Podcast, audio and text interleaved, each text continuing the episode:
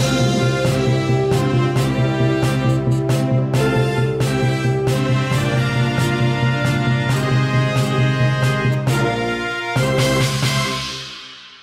Cześć, czołem, tu Piotr czyli Kuldan. Witajcie 19 października 2017 roku i zanim zaczniemy nowy codziennik, chciałem Was serdecznie zaprosić na stronę, na której najlepiej teraz będzie czytać, przeglądać, słuchać i oglądać codzienniki, czyli www.pancodziennik.pl. Strona jest zrobiona specjalnie pod codzienniki, jest leciutka, szybciutka, bez żadnych opóźniającym ją pierdół i jakichś widgetów i nie wiadomo czego, więc teoretycznie rzecz biorąc, czytanie i przeglądanie i oglądanie codziennika od teraz powinno być dla Was jeszcze przyjemniejsze, jeszcze prostsze i jeszcze mniej obciążające dla Was komputerów. Zaczynajmy. Zwiastunem prezentującym sporo rozgrywki zapowiedziano Warhammer Vermintide 2. Gra ma zadebiutować w pierwszym kwartale 2018 roku. Premierowy zwiastun Raw Data, czyli strzelanina pod VR? Znowu? Trzeba na pewno?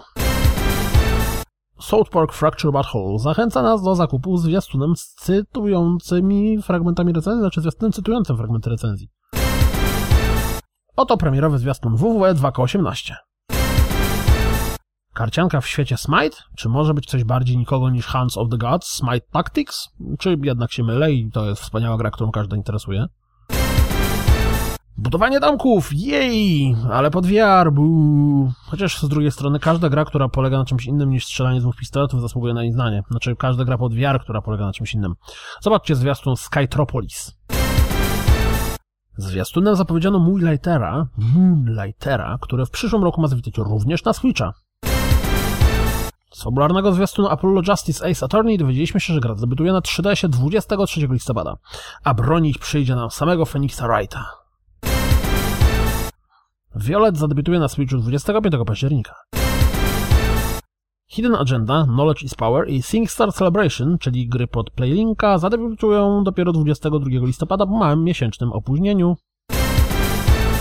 Tegoroczne Warsaw Games Week stanowczo należy uznać za sukces i dobrze, zasługujemy na takie imprezy. A sukces ten wziął się stąd, że Ewelina Przywara poinformowała nas na Twitterze, że na WGW, mimo że trwało 3 dni, odwiedziło je 33 716 osób a w zeszłym roku trwało 4 dni i odwiedziło je tylko 24 tysiące osób, czyli 9 tysięcy osób mniej, mimo że jeden dzień mniej. Znaczy 9 tysięcy osób więcej.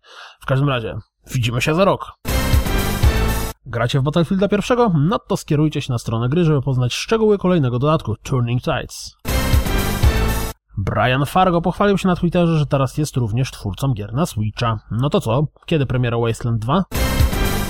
Jeśli nie gracie jeszcze w South Park Fracture Butthole, może zainteresować Was zestawienie wszystkich summonów z gry. Są dość specyficzne, no ale tego można było się spodziewać.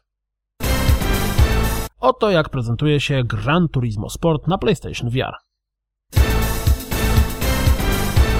To wszystko na dziś, jak zawsze, a właściwie to jak po raz pierwszy, ale teraz już zawsze, zapraszam na was, wa, zapra ojej, zapraszam was na www.pancodziennik.pl Mam nadzieję, że słyszymy się jutro, a jeśli doceniacie codzienniki i chcecie je wspierać, mnie wspierać zarazem, to wesprzyjcie mnie na patronite.pl.